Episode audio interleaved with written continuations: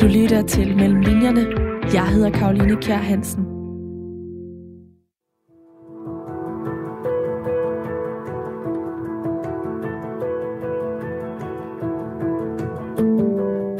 Vi er i staten Minnesota i USA. Det er maj 2017. Kilometer efter kilometer kører de gennem landskabet, der mest af alt ligner Sydsverige. Men af og til der får de udsyn til en flok sortbrøde køer, og de giver nærmere mindelser om at køre på en landevej gennem Danmark. Efter et par timer, der åbner landskabet sig, og byen Duluth breder sig mellem bakkerne. Duluth havn den er fyldt med store skibe, industrianlæg og dynger af takonit og kalk, som de anvender til udvindingen af jern. Byen den er forfalden og nærmest mennesketom denne hverdagsaften, og det gør det svært at forestille sig, at den har været grobund for en af vores tids største musikere, nemlig Bob Dylan. I et af byens større villakvarterer med hullet sideveje af grus, nærmere bestemt i et gulmalet hus med hvidt træværk. Der blev verdensstjernen født, og hans barndomshjem her, det er turens endestation. I bilen der sidder blandt andre forfatter Anne-Marie Maj, og hun har sidenhen udgivet bogen Digteren Dylan. Fordi det i denne uge, den 24. maj, er præcis 80 år siden, at den mand, som musikmagasinet Rolling Stone i hvert fald mener, har skrevet den bedste sang nogensinde, han blev født, så er det også den her bog, Digteren Dylan, jeg i dag dykker ned mellem linjerne i. Kære lytter, hjertelig velkommen til Mellem Linjerne. Det er programmet her på Radio 4, hvor jeg taler med nogle af Danmarks dygtigste forfattere om alle de forberedelser og oplevelser, der ligger før deres bøger de kunne skrives. Altså alt det research-arbejde, som de har været ude i, og som ligger mellem linjerne i deres bøger. Og også et stort velkommen til dig, Anne-Marie Maj. Jamen, tusind tak for det. Som sidder i dit hjem på Fyn og ikke øh, i øh, USA i dag. Nej, det kunne jeg godt have tænkt mig, men øh, det er her på Nordfyn, ja. Udover at være forfatter til bogen her og en række andre øh, lidt mere fagspecifikke litteraturbøger, så er du også professor i dansk øh, litteratur ved Institut for Litteratur, Kultur og Medier på Syddansk Universitet. Og rejsen til Duluth i Minneapolis, den er blot en del af den research, som øh, du har lavet for at kunne skrive bogen her, og den skal vi selvfølgelig tale meget mere om lidt senere. Men allerførst skal vi så ikke lige have lidt flere ord på, øh, på Bob Dylan. Nu sagde jeg, at han er verdensstjerne og øh, en af de største musikere, og har skrevet øh, et af de øh, bedste numre, der er i hvert fald nogen, der mener nogensinde. Hvordan vil du beskrive Bob Dylan? Jeg vil beskrive ham som en øh, digter og en kunstner og en performer, en sangskriver, en, ja, en, en kunstner, der arbejder også i flere forskellige kunstarter egentlig. Øh, selvfølgelig er, er musikken og lyrikken, det er, har jo været det vigtige, men, øh, men han har også, han har også foldet sig ud med billedkunst og skulptur og film. Så der er lidt forskelligt øh, øh, der, han har gjort sig gældende med. Det er nærmest lige før, man måske kan kalde ham en multikunstner, selvom at vi primært forbinder ham med musik. Ja, altså han, øh, han kan i hvert fald godt lide at finde nye veje, og jeg tror, han bruger øh, billedkunst og skulptur og, øh, og film, også i forhold til sine, øh, sine øh, kompositioner og sine sange, sine sangtekster. Jeg tror, det hænger sammen for ham. Grunden til, at der er mange, der forbinder ham med musikken, det er fordi, at han jo også har udgivet et hav af musik. Det er i hvert fald den scene, hvor han virkelig har markeret sig. Kan det passe, at han har altså udgivet 57 albums? Deromkring? Ja, altså jeg har snart ikke tal på det, men vi ved jo i hvert fald, at han starter i øh, 1962 med det første album, og øh, så øh, det sidste øh, nyeste album, det jo, kom jo i 2020, og det er det, der hedder Rough and Rowdy Ways, som er en stor kunstnerisk triumf for ham, så Ja, altså der er nok at vælge imellem. Der er nok at tage ned fra hylden eller øh, streame ind på øh, i Dylans opus. Og han øh, er som sagt sanger og sangskriver, når vi ser på det sådan inden for øh, den musikalske scene, hvor det er de, de to dele, han ligesom øh, spiller på. Den amerikanske sangscene, vil jeg mærke. Og det er siden 1960'erne, at han har markeret sig inden for det, som man kalder folkemusik. Men han har jo også sådan bevæget sig meget i yderkanten af den genre, eller udfordrede den og videreudviklede den. Vil du betragte ham som sådan en klassisk folkemusiker? Øh, nej, det vil jeg ikke øh, på den måde. Jeg vil sige, at, at folkemusikken har hele tiden været en bund og grund i hans, øh, hans univers. Ikke? Og hver gang han bevæger sig i nye retninger, så er han lige nede og hente lidt grundvand i, øh, i den folke, i folke, Øh, musikens tradition, men han går jo i mange retninger, og det er også kendetegnet for ham, at han bryder ud af miljøer. Altså, Næppe var han blevet den store stjerne på den amerikanske folkemusikscene, da den sådan får en revival der i 60'erne. Der blev han jo sådan virkelig kronprinsen, og ham de alle sammen håbede på ville løfte arven stærkt og flot. Og det gjorde han også. Men, men han forlod det også igen. Han brød op for det miljø for at søge sammen med andre kunstnere i New York for at søge ind i en mere eksperimentel øh, musikscene og en mere eksperimentel retning med kontakt til beatdigterne og sidenhen, ja, så går han jo i retning af at få en meget kristen periode, hvor, han, øh, op, hvor hans musik bliver meget påvirket, og hans tekster er gospel, og gospel gudstjenesten. Så altså, det, det ændrer sig, øh, og han, øh, han flytter sig som kunstner øh, også. Men, men det er rigtigt, at, at folkemusikken, den, den bliver han tit ved med at vende tilbage til. Han er lige fat i at, og, og, og lave en, øh, en version, en ny version af en, en, øh, en øh, øh, ballade, øh, eller lige få, få kontakt med det univers igen.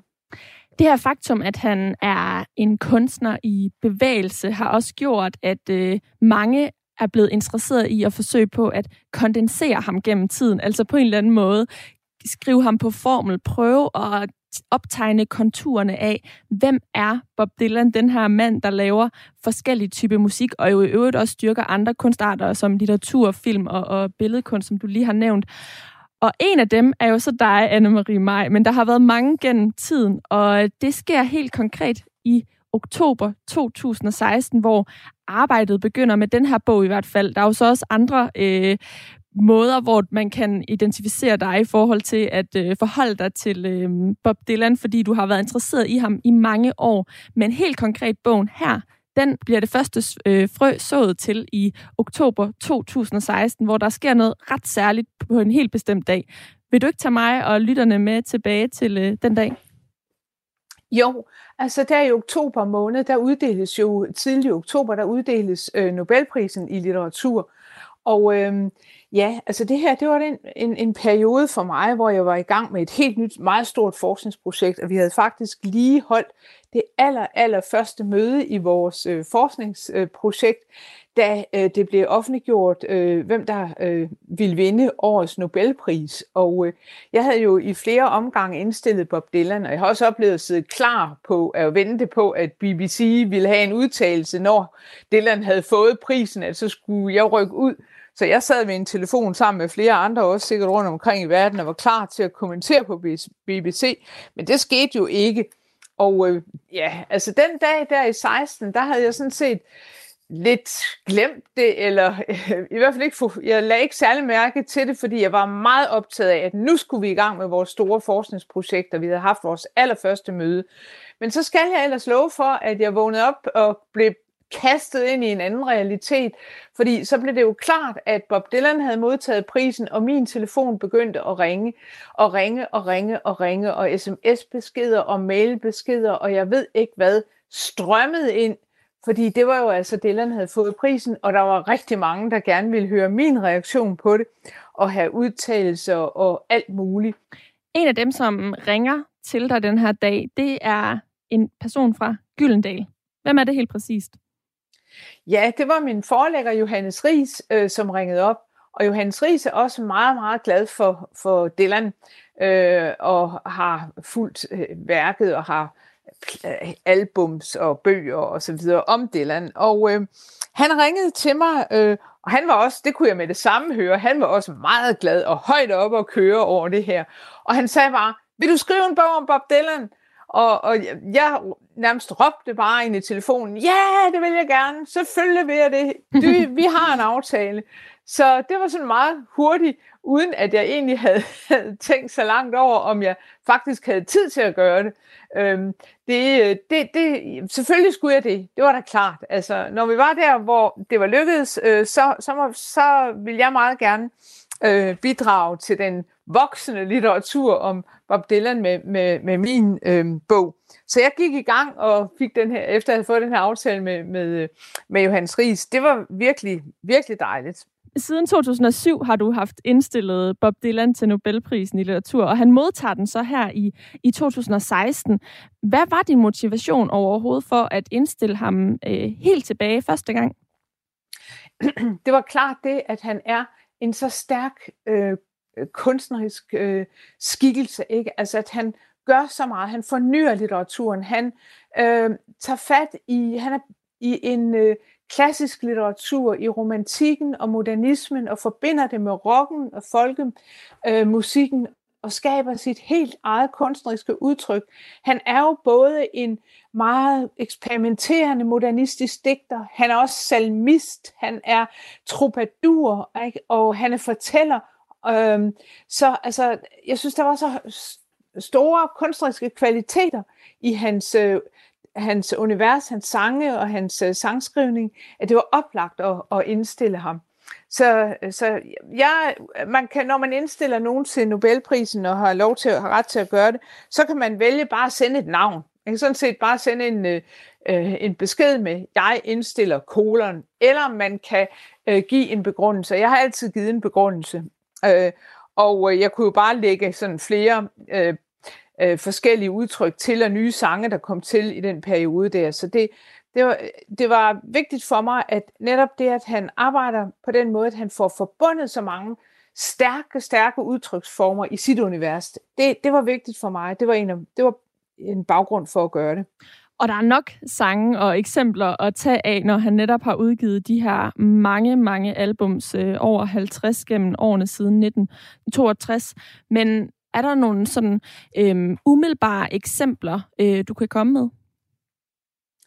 Jamen, altså, der er, øh, er jo nok at, at vælge imellem. Der er rigtig, rigtig mange, øh, der er, er glade for, for, for store sange i hans univers, som Visions of Joanna ikke, øh, fra 66.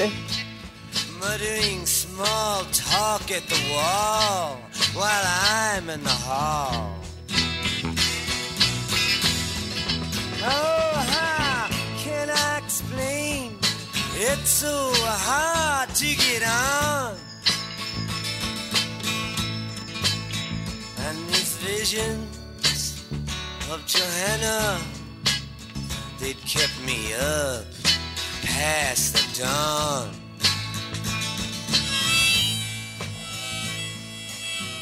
Der er øhm, Der er Desolation Row, også en, en, en stor sang om det moderne øh, univers, en trøstesløshedens gade, ikke? And the only sound that's left after the ambulances go is Cinderella sweeping up on Desolation Row.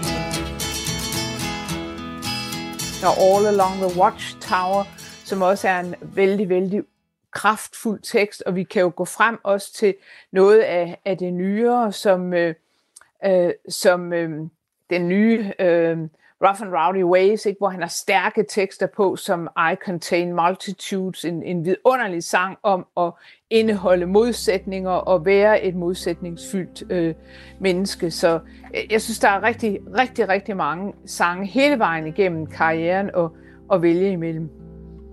Today and tomorrow and yesterday too The flowers are dying like all things do Follow me close, I'm going to Berlin, Ali.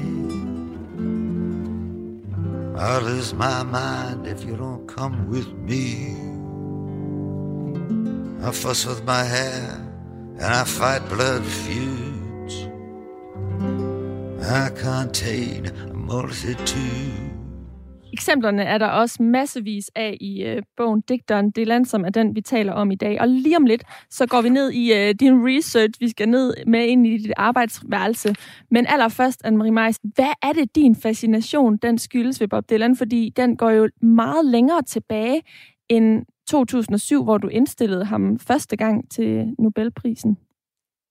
Ja, der er jo mange, der er her nu øh, på den store konference, der var i Tulsa øh, her øh, i, på fødselsdagen, ikke? altså 80-årsdagen.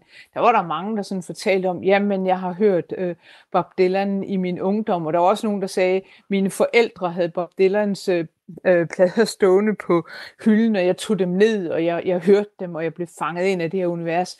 Jeg var egentlig ikke som ung særlig optaget af Bob Dylan, øh, fordi jeg var mere til sådan punkmusik og David Bowie og sådan noget. Dylan, det var ligesom, altså han var lidt ældre, det var en lidt ældre generation, og det var ikke sådan lige mit øh, hofnummer der, men, øh, men det blev det, altså, Øh, øh, det blev det i kraft af, at jeg lærte min mand at kende, fordi han har Claus Høg, øh, som har skrevet en digtsamling om Bob Dylan, og så må jeg jo læse den, og så fandt jeg ud af, jamen, det var altså, der var noget her, og øh, så var jeg måske også så selv øh, blevet så gammel, så ja, altså, jeg kunne se den der eksistentielle dybde og, og, og øh, højde i hans øh, univers, og det, det er nok det, som... Øh, så, så jeg er kommet til det øh, mere som en, en, et voksent menneske, vil jeg sige.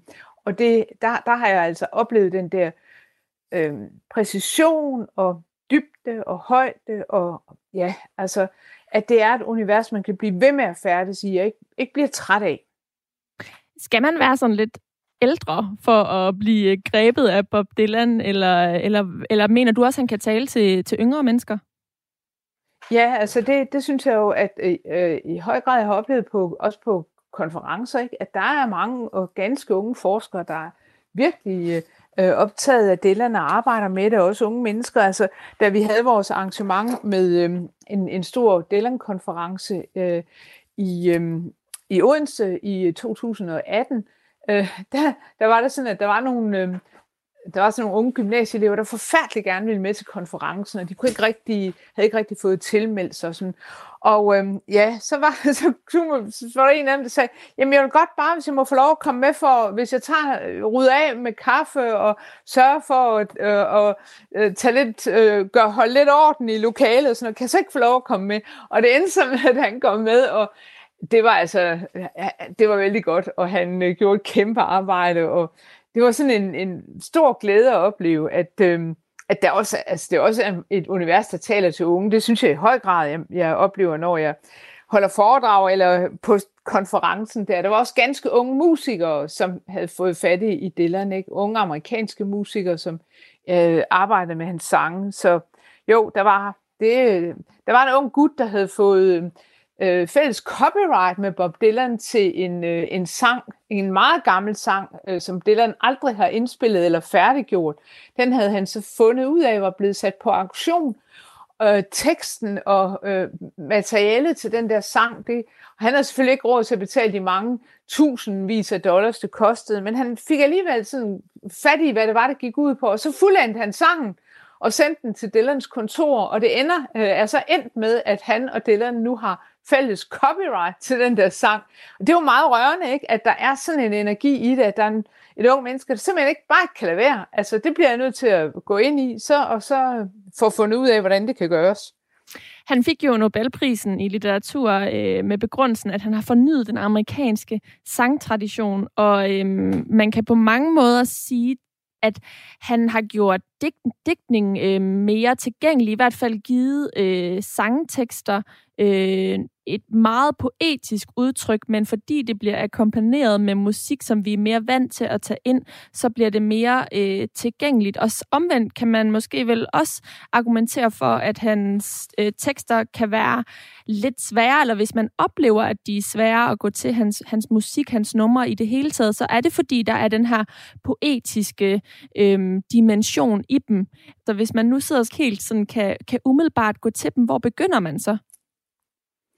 Jo, men jeg tror, man skal først og fremmest øh, bare åbne øh, sine sanser og lytte og opleve det her univers. Altså, øhm, Dylan siger jo selv om nogle af sine tekster, jeg aner ikke, hvad der står, jeg forstår ikke noget af det, men øh, jeg kan mærke, at det bevæger mig, øhm, det her, og jeg kan ikke forklare det, og jeg kan i øvrigt ikke sige, at han jo også selv om nogle af de tidlige tekster, han har skrevet, altså, øh, at øh, jeg vil ikke kunne jeg, sådan kan jeg ikke skrive mere, men sådan skrev jeg dengang, og jeg forstår egentlig ikke, hvad det betyder. Det har han sådan sagt om nogle af teksterne. Og der tror jeg egentlig bare, man skal også gøre det, at man, man lytter, man øh, åbner sig for det og, og oplever noget, og lad være med at tænke så meget over, hvad det betyder, mere tænk på, hvilken stemning man kommer i ved at lytte til det her, de her ord og den her musik. Og lytte, det har du i hvert fald også gjort meget af i arbejdet med bogen her, digteren øh, Dylan. Jeg synes, vi skal prøve at øh, dykke lidt mere ned i øh, din research nu. Du lytter til Mellem Linjerne. Jeg hedder Karoline Kjær Hansen. Og for de nytilkommende lyttere, så kan jeg sige, at øh, jeg i dag taler med Anne-Marie Maj, som har skrevet bogen Digteren Dylan, og det gør jeg, fordi at det er i denne uge, han fylder 80 år. Vi har netop øh, talt om, at han er, øh, han er en, en kunstner, der er svær at sætte på formel, men Anne-Marie, du har alligevel forsøgt, i hvert fald i øh, et vist omfang med i din bog her. Hvordan vil du egentlig selv sådan lige først beskrive bogen? Altså, øh, det er jo ikke en biografi af ham, og samtidig så er det heller ikke en bog, der er sådan kun er for nørderne. Nej, det håber jeg, at den er til et uh, lidt bredere publikum, der gerne vil have et indtryk af, af det her univers. Og derfor så starter jeg med at se på selve digteren Dylan. Hvad er han for en figur? Hvad er det for en, altså, hvad er det for, et, uh, for en uh, kunstnerfigur, vi møder? Så ser jeg på de ord, han bruger, og jeg ser på hans rim og de personer, man kan opleve i universet. Jeg ser noget på stederne, og øhm, hvordan man kan blive grebet af et kunstværk. Øhm, og så har jeg også sådan et afsnit, hvor jeg øh, øh, følger i, øh, ikke i fodsporet, men jeg, jeg, jeg søger kilderne, Dylans øh, egen baggrund i, i øh, Minnesota, og det, er, det var også vigtigt for mig at gøre. Men da du får det her opkald i 2016, og med det samme siger ja til at skrive den her bog, og allerede der ved, at det vil der være rigtig mange andre, der også får øh, lyst til og allerede har gjort. Hvor begynder du så arbejdet med den her bog i første omgang? Jo, altså jeg, det bliver klart for mig, at øh, noget af det, vi arbejder med i mit forskningsprojekt omkring øh, sociologen Bruno Latour og hans Actor Network Theory, som vi diskuterer, hvordan det kan bruges i forhold til litteratur. Øh, altså hans teori om aktører, der kan danne sådan netværk eller worknets, øh, arbejde, arbejdende net, som han kalder det, øh, når man studerer forskellige fænomener. Det kan jo enten være, hvis man studerer øh, sporveje eller laboratorier eller alt muligt. Det kan man også bruge måske den her teori om aktører, der virker sammen. Det kunne man måske også bruge, hvis man studerer et kunstværk eller en kunstner. Så jeg tager fat og prøver at øhm, udvikle øh, de, de her begreber og tankegangen i forhold til Dylan, og når frem til, at det kunne egentlig være godt at se netop, at der er aktører i hans univers, at han selv som kunstner øh, skabes af aktører, der virker sammen, og at vi sådan set også som publikum er med til at skabe kunstnerfiguren Bob Dylan. Øh, og øh, øh, det, det bliver en vej ind i det. Altså, jeg, jeg er heldig, at de to ting, der sker på den dag der i oktober, de kan kombineres. At vores åbning af det her nye forskningsprojekt om uses of literature, altså litteratur i brug, der kan jeg faktisk tage nogle ting med over og, og gå i gang med at se på Dylan på en lidt anden måde, end man plejer at se på ham. Altså studere den her, det her, den her kunstnerpersonlighed, der øh, skaber et værk. Altså jeg kan prøve at se, hvordan kunstneren øh, er en slags netværk af betydning, og hvordan værket er, er netværk af forskellige aktører, der virker sammen, hvad enten det er ordene, rimene, personerne eller stederne. Det er noget, der virker i det her store netværk af betydninger. Så Bob Dylan er ikke som sådan øh, ene mand, øh, der, der fører det her frem, men det er mere kan man måske betragte som et form for objekt, som er påvirket alle mulige steder fra, øh, og som også påvirker andre. Ja, altså det er det. Han siger jo selv meget tidligt der på en turné øh, tilbage i, øh, i 60'erne, hvor han egentlig har det svært. Så siger altså lidt svært med publikum, som, som ikke er så glade for, at han er begyndt at spille elektrisk, så siger han, kan I ikke finde en ny Bob Dylan? Jeg giver jer en ny Bob Dylan, så kan I arbejde med ham, indtil I bliver træt af ham.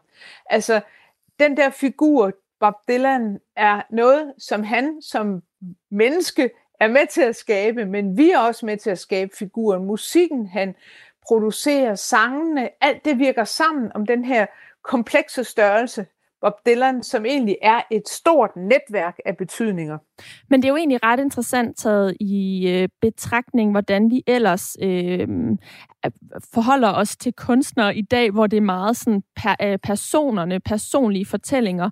Øh, ja. Hvis vi bare for eksempel kigger på litteraturen ellers, hvor at øh, der stort set nu i rigtig, rigtig mange tilfælde er et sammenfald mellem karaktererne i en forfatters bog og forfatteren selv, hvor at ja. vi så ser her med Bob Dylan, han trækker sig helt tilbage, og i virkeligheden jo nærmere vil være et objekt frem for et subjekt. Vi har jo også set det til dels med sådan en som øh, David Bowie, som, som jo også øh, havde en sådan øh, mere flydende identitet, og ikke satte sig selv øh, op på scenen, men var en, en, en form for persona, når han gik derop. Og jeg kan heller ikke lade være med at tænke på sådan en som Lady Gaga i dag, der også har haft forskellige identiteter, og, og egentlig har været svær at forholde sig til øh, som menneske. Jeg blev ret overrasket, da jeg læste din bog her, at øh, Bob Dylan har formået at holde sit øh, et ægteskab øh, hemmeligt i 15 år. Det, det er de færreste kendiser, hvis man skal tro, at han er verdensstjerne, som jeg kaldte ham i introen her, der formår det. Hvordan, ja. hvordan kan vi øh, forstå hans behov for det? Øh, det, altså jeg tror øh, ret tidligt er det klart for ham, at øh, at, som han selv skriver et sted, han udtrykte på den måde, skæbnen kiggede på mig, og jeg vidste, det var nu, og det var mig. Øh, og der, øh, øh, der tror jeg egentlig, han, øh, det bliver tydeligt for ham, at, at han øh, skaber selv den der øh, kunstnerfigur, og der er nogen, der arbejder med, og nogen, der arbejder mod. Og det er altså, øh, det, øh, figuren er svær. Øh, den er også en belastning, ikke? Øh, men øh, jeg tror, det lykkes ham og øh, forme den sådan, så han kan have med den at gøre, og at han kan, øh, han kan distancere sig fra, øh, fra den, men samtidig være i det. Og det lyder paradoxalt, men altså, som man også selv synger på den sidste plade, I'm a man of contradictions. Altså, modsætningerne, de er i hobetal omkring øh, øh, Dylan øh, og hans måde at, at, at være på. Og det er jo også, altså nu nævnte du det med ægteskabet, det er jo ret sjovt sådan at se her, der var nogen, der havde fotograferet ham et, for et par uger siden, eller sådan noget, op til 80-årsdagen i Los Angeles, hvor man hvor han opholder sig noget af tiden. Og der, der var der sådan spekulationer. Er det en hvilesesring, han bærer på fingeren? Har han været gift igen, uden at nogen ved det? øh, så så, så han, han, han værner også om... Øh, han værner om sin egen person, samtidig med, at han arbejder på det her Dylan-netværk, øh, og, og øh, er en del af det selvfølgelig også. Men hvis vi prøver at dykke lidt mere ned i øh, Bruno Latours øh, Actor Network Theory, som er den, du bruger til at analysere dig frem til øh, den her pointe, som bliver ret gennemgående for hele bogen. Hvilke centrale aktører øh, er værd at nævne? Altså kan du komme med et eksempel på, hvordan øh, der også er øh, andre, at det er et netværk med forskellige aktører, der påvirker hinanden og dermed skaber Bob Dylan? Ja, altså man kan jo bare se på alle de forskellige øh, øh, fans and followers, der, der, der samler sig i øh, grupper ikke? og arbejder på at tolke og tyde og udlægge, samtidig med, at de lægger nye alen til ved at komme med optagelser fra koncerter, som man laver øh, illegalt, ikke billeder og alt muligt stof, man bringer frem. Altså det er, sådan, det er egentlig et meget godt billede, det der med de, alle de små flittige myrer, der, der øh, haler stof til og bringer ting ind i øhm, i, i det her kæmpemæssige Dylan-netværk. Øh, ikke? Altså, og i sangene, altså, det er så sådan set øh, digterfiguren og kunstner øh, livet, vi der øh, så taler om. Men hvis vi taler om selve sangene, jamen, så er det jo altså så, så, så er det jo brugen af steder, personer, rim og ord, øh, som er, øh, som er øh, aktører i det her univers af, af, af sange, som han har. Og der tager han jo så også alt muligt forskellige slags sprogbrug ind. Det er også karakteristisk for ham, at han bruger jo både, han er meget belæst ud i klassisk øh, poesi, han kender og, og digtning altså fra Homer og Altså, de gamle mestre, dem færdes han hjemvendt mellem. Men, og han har den øh, romantiske digtning, øh, symbolisme og modernisme. Altså, Walt Whitman eksempelvis dukker meget ofte op. Rambo er noget af en held i hans univers. Og der tager han stykker og stumper ind og skaber sine sange ud af det. Så de her små stykker romantik og klassik og symbolisme øh, bliver jo sådan øh, aktører, der virker og får sangene til at gøre sig. Noget af det, jeg har set på her senest, det er, og jeg, ved at, jeg har skrevet til en norsk øh, antologi om det, det er hans brug af reklamesprog. Øh, og det er, altså, det kan man sige, det er sådan set også en del af universet, at det er til stede, de her små stykker reklamesprog, som han også kan finde på at lægge ind i teksterne. Så det virker sammen. Det bliver, altså man kunne kalde det en mosaik, men man kunne også sige, at det er et netværk af ting, der virker sammen og hele tiden påvirker os på forskellige måder. Det er ikke sådan noget stillestående, øh, mener jeg. Han skriver sig i hvert fald virkelig ind i litteraturhistorien med alle de her øh, referencer, som øh, jeg har fået et stort overblik over ved at læse din bog her. Men i virkeligheden, så er han vel også mesteren inden for øh, øh, den øh, sentens, som øh, Picasso har, at de dårlige kunstnere låner, men de rigtig gode, de stjæler. Altså der må, må Bob Dylan vel være eksemplet på, at det er virkeligt. Ja, men han ville jo aldrig selv karakterisere det som, øh, som tyveri. Han vil sige, at han tager ting fra en tradition og bruger dem og fører dem videre på den måde.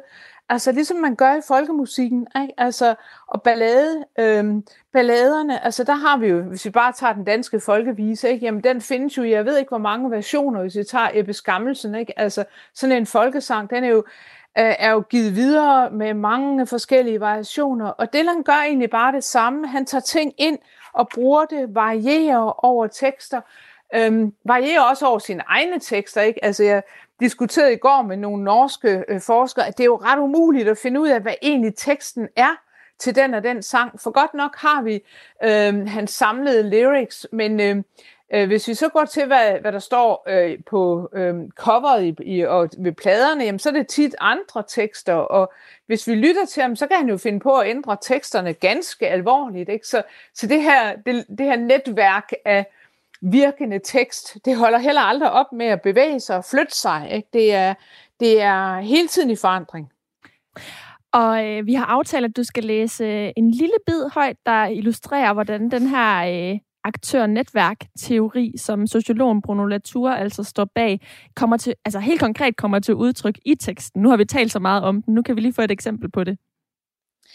Ja, jeg vil egentlig godt øh, tage et lille stykke, der handler om Dylans øh, performance, fordi det tror jeg er, er det, det letteste sådan umiddelbart at forstå. Øh, det er, og der refererer jeg også øh, øh, til, øh, øhm, der refererer jeg øh, faktisk øh, også til andre øh, teoretikere. Men jeg kan lige prøve at tage det lille stykke. Det kan måske sige lidt om, hvordan jeg ser de her forskellige betydninger, der virker sammen og bliver aktører i netværket. Dillons performance er enkel.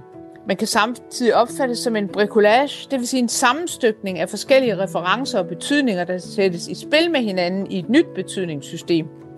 Bricolage-begrebet kan fange den fluktuering af betydninger og henvisninger, der strømmer ud af Dylans optræden.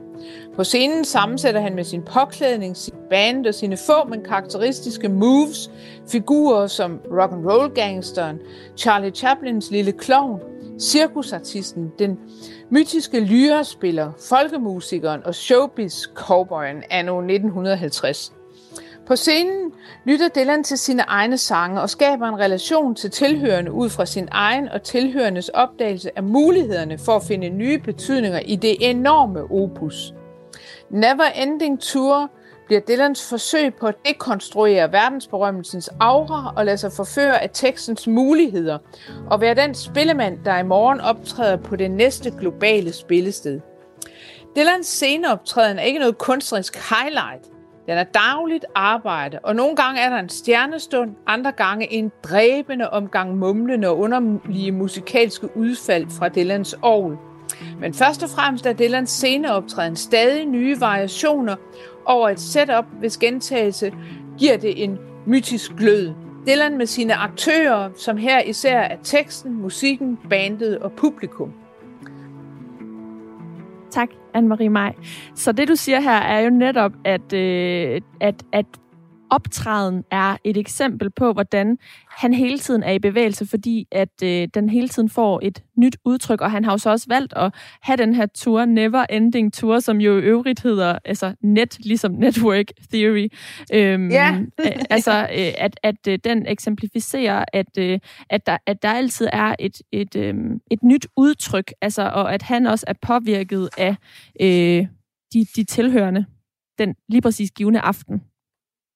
Ja, altså, øh, der er jo sådan set, altså man siger jo meget om, om Dylan, jamen han står bare der og er slet ikke i kontakt med publikum, men det øh, er ikke rigtigt. Altså, han lytter til den stemning, der er, det kan man mærke. Altså, vi så det lidt på, øhm, på da han sidste optrådte ikke, på, på Roskilde Festivalen, ikke, hvor der i øvrigt var et stort ung publikum, og hvor altså, han så øh, lytter ind på at, og, og, og ser også, at det her publikum er et ung publikum, så spiller han nogle sange om at være ung og forelsket, ikke? Altså, øhm, og, og, og fanger det der, altså hvad det er for et publikum, han står overfor.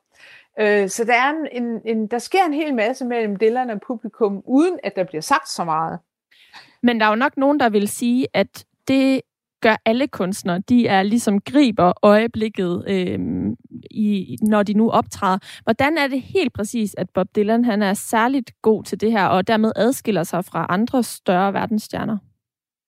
Jamen det er jo fordi, han ikke gør noget særligt ud af det på den måde. Altså han fokuserer på noget andet end på sceneshowet med damp og røg og alle mulige sceneeffekter. Det er der jo ikke. Altså der er ikke, ikke engang på de store koncerter, er der en stor skærm. Det, det er han bare ikke med på.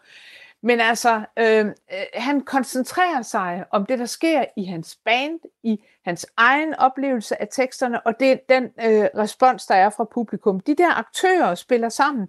Det, det er de enkle aktører. Altså, han, han sætter ikke øh, alle mulige store ting i gang. Øh, slet ikke. Han er der bare og er nærværende. Og det er altså meget øh, kontant, at man mærker det der nærvær. Ikke? Altså, øh, der, der, øh, der er fra ham, fordi han arbejder så godt sammen med sine musikere, og de er så ufattelig gode, som de er. Altså, det er jo simpelthen øh, nogle af de bedste musikere i verden, han har med sig.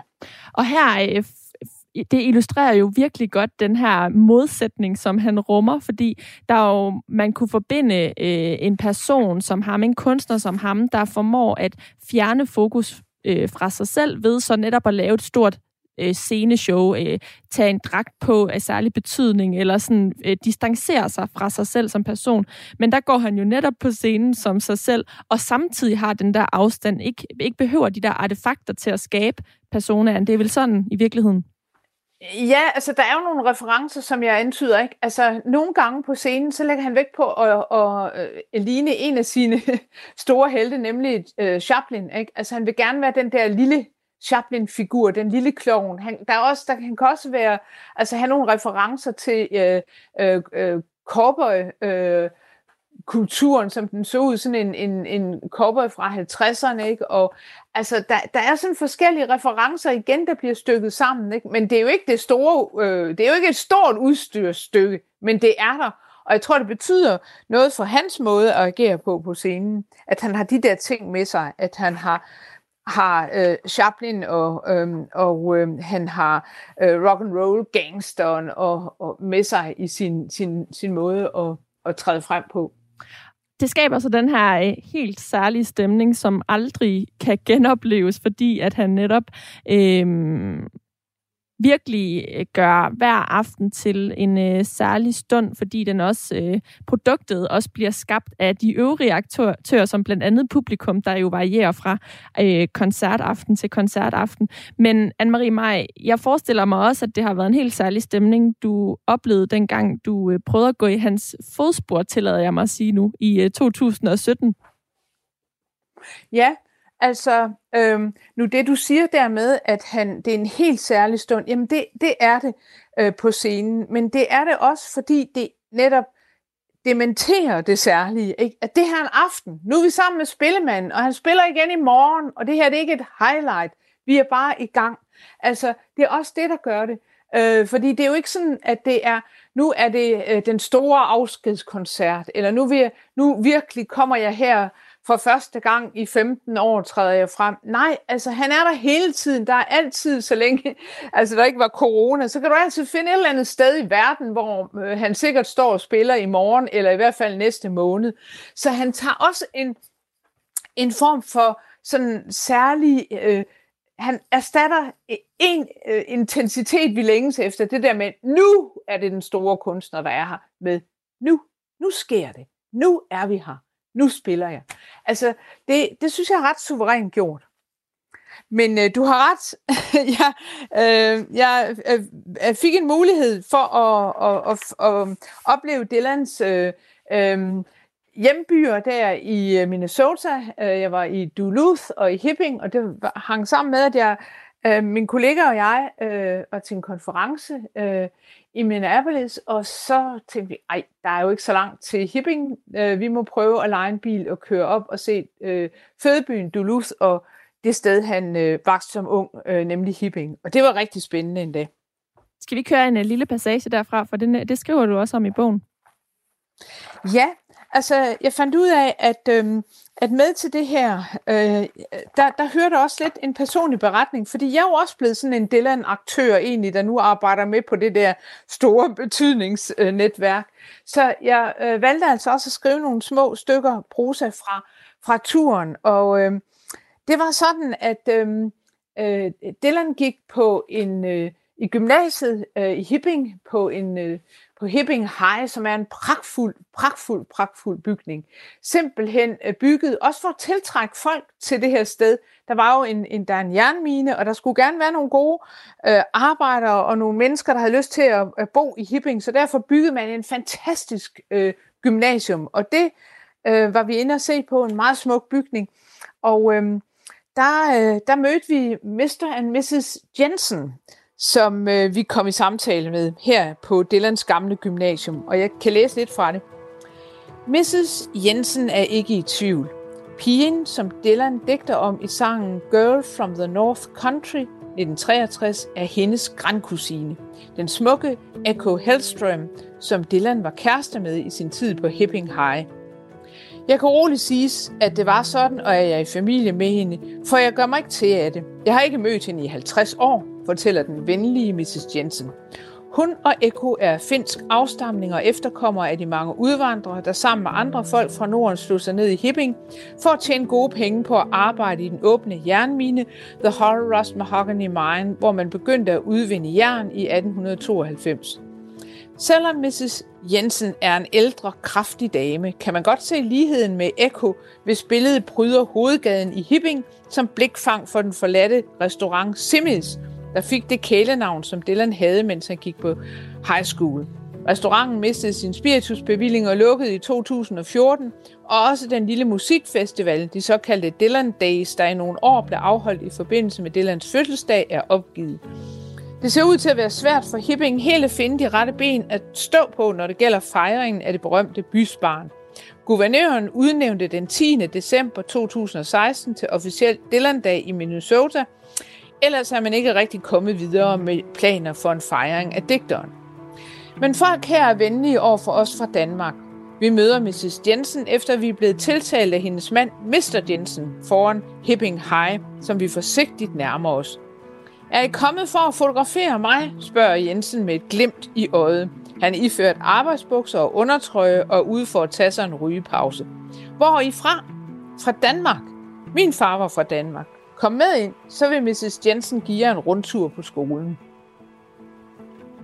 Ja, og øh, det var altså i maj 2017, præcis for fire år siden, at øh, du var derovre. Hvad, hvorfor var det egentlig vigtigt for dig at rejse øh, til øh, Bob Dylans øh, fødeby, og, og senere hen også øh, ungdomsby, kan man jo nok godt kalde det, da han flyttede der til som seksårig?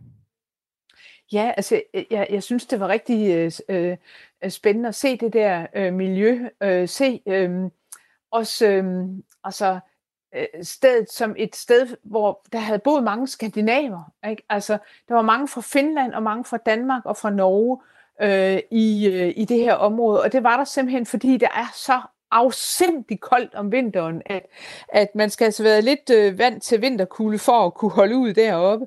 Øhm, og øh, jeg synes, det var meget fascinerende, at der var det her, den her koloni af skandinaver, og det var også den, og så, det var det miljø, han også var, var, havde været i berøring med, det her særlige sted med, med kulden og jernminen, og altså, jeg kunne lægge mærke til, at jern, øhm, og metallet i jern dukker op mange gange i hans øh, dækning øh, og hans sangskrivning, så, så jeg vil godt se, hvad det var for et øh, univers, øh, som øh, havde været hans barndoms og hans ungdoms. Og han har også skrevet om det i øh, sine erindringer, øh, krøniker, som er en meget, meget, meget, meget betagende og skæg og dyb, sindig bog også. Der, der, den handler også om, om det her med at vokse op i Hipping, og også længes væk og komme væk derfra, for det var også vigtigt for ham. Han skulle bestemt ikke blive der.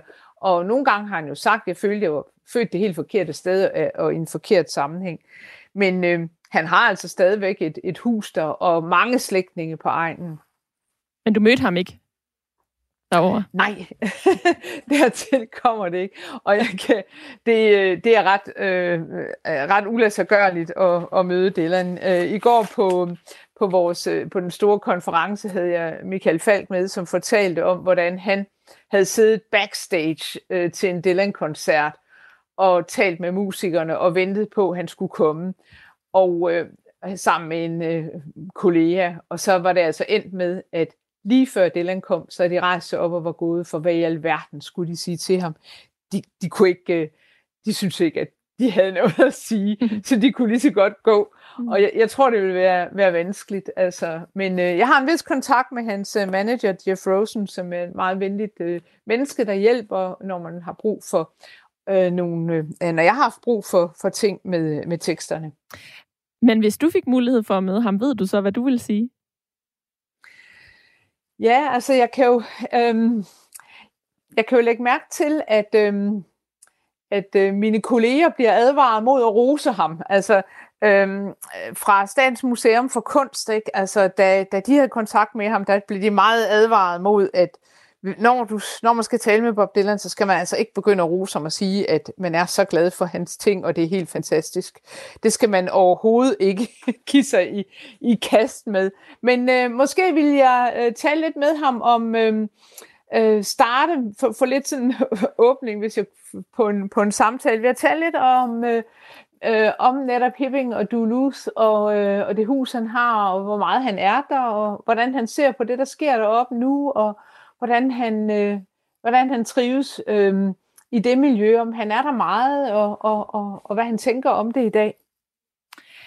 Anne-Marie Maj, tiden den er ved at øh, være gået, men vi skal lige nå at vende din skriveproces, inden vi er helt færdige. Du lytter til Mellem Linjerne. Jeg hedder Karoline Kjær Hansen. Og i dag dykker jeg ned mellem linjerne i bogen Digteren Dylan, som du, Anne-Marie Maj, har skrevet. Og det er i anledning af, at det er i denne uge, han fylder 80 år. Vi har talt om, at du øh, modtog et opkald i 2016, som kickstartede hele processen med bogen her, og den udkom i 2018. Hvordan var skriveprocessen derimellem? Øh, den var sådan set øh, meget øh, i, i gang hele tiden. Jeg skrev rigtig meget på det. Jeg var jo heldig, at jeg havde min øh, gruppe af, af øh, forskningskolleger, som jeg kunne lægge ting frem for at diskutere det med, og øh, også med mine øh, forlægger. Så, så øh, jeg havde også øh, sådan lagde noget frem og, og præsenterede idéer. Det, det, det betød meget for mig. Og så da jeg var helt færdig, så læste jeg den op for min mand. Øh, jeg er altid så heldig, at han, han godt gider høre de der bøger, jeg skriver, og, og høre dem læst op. Og det er vigtigt for mig, at den også lever som en tekst, jeg kan læse op, øh, fordi når man læser den op, så opdager man nogle ting øh, i sprog og stil, som man måske kan gøre bedre. Noget, der ikke fungerer, noget, hvor, hvor sætningerne bliver for lange, eller for, for indviklede, og for, det bliver for ja, ligesom for kompakt eller for, for, for stillestående. Det kan være begge dele. Så det er meget godt at læse det op, og så får jeg også en umiddelbar sådan reaktion fra ham, som jo er øh, nok kender til Dylan og øh, selv arbejder meget med sproget, men bestemt ikke er altså ikke er universitetsmenneske øh, og teoretiker. Det er også meget sundt at få en reaktion der, hvor han siger, at det synes han er interessant, eller det er bare meget kedeligt. Så det, det, der, og der er altid øh, direkte tale, og ikke noget med at stikke noget under stolen. Nej, det, man får besked med det samme, jeg gør, øh, når, jeg, når han synes, det er godt, eller synes, der er nogle problemer. Og det lytter jeg meget til. Du er bestemt ikke den første, jeg har haft med i programmet her, som nævner, at du bruger din øh, ægtefælle øh, i, i forbindelse med skrivningen. Men du har jo så også en kompetent øh, ægtefælle i kraft af, at han er digter. Men du er til gengæld den første, der nævner, at du læser den højt. Og det synes jeg egentlig er ret fint, når det jo også handler om øh, musik, og i hvert fald poesi, som også har, øh, har godt af at øh, blive læst højt. Hvordan var det så, da du havde skrevet den? Altså, øhm, der er jo så meget, der bliver skrevet om Bob Dylan, og, og der har været en massiv dækning i denne uge ja. af ham i, i, i forbindelse med hans 80-års fødselsdag. Hvilke tanker gjorde du der, altså ud over formen, og hvordan, som vi har talt om, og hvordan du kunne, du kunne, du kunne adskille dig fra, fra det eksisterende? Hvordan, hvordan havde du det så, da den skulle udkomme? Jeg glædede mig rigtig meget øh, til det, og... Øh, Øh, altså, jeg havde jo også, jeg har også lagt vægt på altså, at arbejde med omslaget, ikke? Og, øhm, og hele bogens tilrettelæggelse. Jeg har fået på omslaget et, et foto, jeg øh, selv har taget af noget øh, øh, strømmende vand op fra Duluth, øh, hvor vi jo har alt det her jern, der strømmer ud i vandet. Så det er sådan noget rødt vand, og jeg, jeg vil gerne have det der jern, øh, metal, øh, metalliske med, fordi det betyder noget i hans øh, universanstikning. Øh, så så det, det var vigtigt. Og så, jamen, det var en, en, altså det var, det var en meget stor øh, glæde og fornøjelse, at nu er bogen færdig, og øh, så har jeg fået den øh, oversat til engelsk, og den er også på vej på tysk nu, så øh, der, der har været stor interesse for den i Tyskland. Jeg har folk har øh, tilbudt, og at de vil meget gerne øh, oversætte den, og, og nu har jeg så øh, fået nogle ufattelig dygtige øh, folk til at gå i gang med det, og så den, den vil udkomme i år på tysk også, og det, der, det, det, det er jo fantastisk at opleve.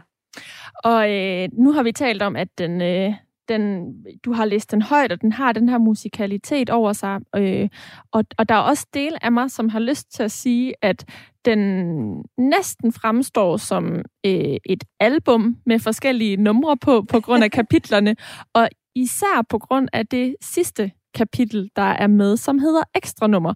Og jeg synes, vi skal slutte udsendelsen af med at høre det sidste ekstra nummer i din bog, som er øh, en analyse af et øh, Bob Dylan-nummer, men jeg synes, du skal præsentere det. Du må være den helt rette til det. Det er øh, Red River Shore hedder nummeret, men hvorfor er det lige det, der er, øh, har fået et helt særskilt kapitel for sig?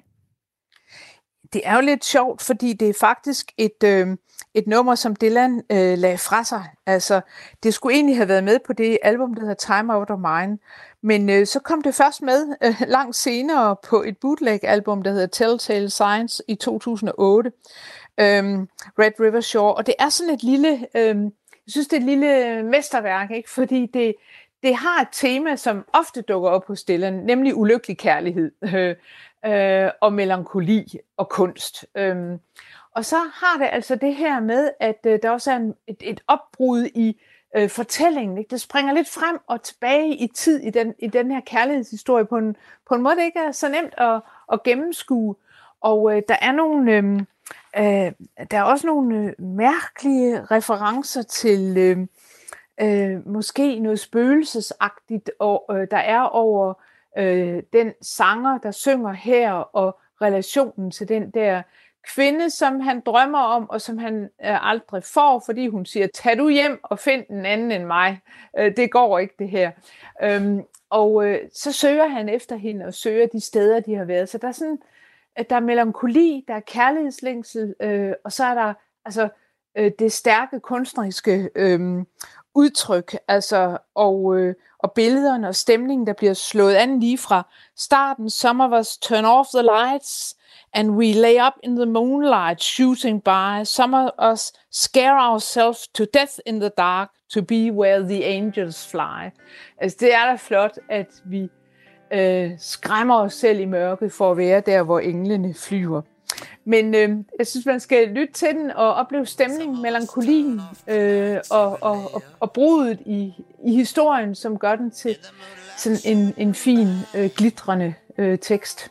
Og her kommer nummeret Red River Shore. Jeg vil sige tusind tak til dig, Anne-Marie Maj, fordi at du vil være med her i Mellem Linjerne på Radio 4 i dag. Og også tusind tak til dig, som har øh, lyttet med. Det er Mellem Linjerne, du har lyttet til. Jeg er tilbage igen på søndag kl. 13.05 på genhør. Outside my cabin door I've never wanted any of them wanting me except the girl from the Red River shore. Well, I sat by her side, and for a while I tried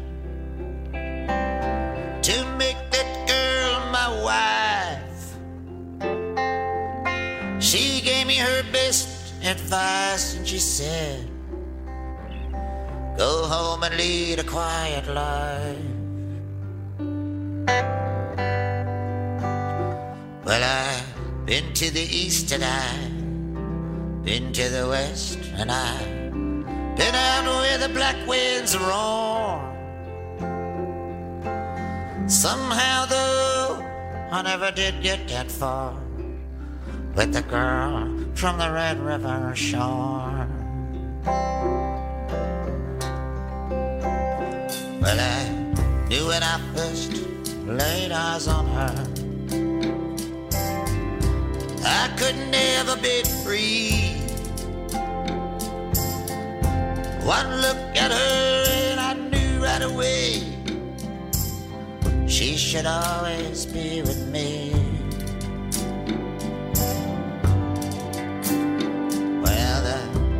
dried up a long time ago. Don't know where it is anymore. True to life, true to me, was the girl from the rain.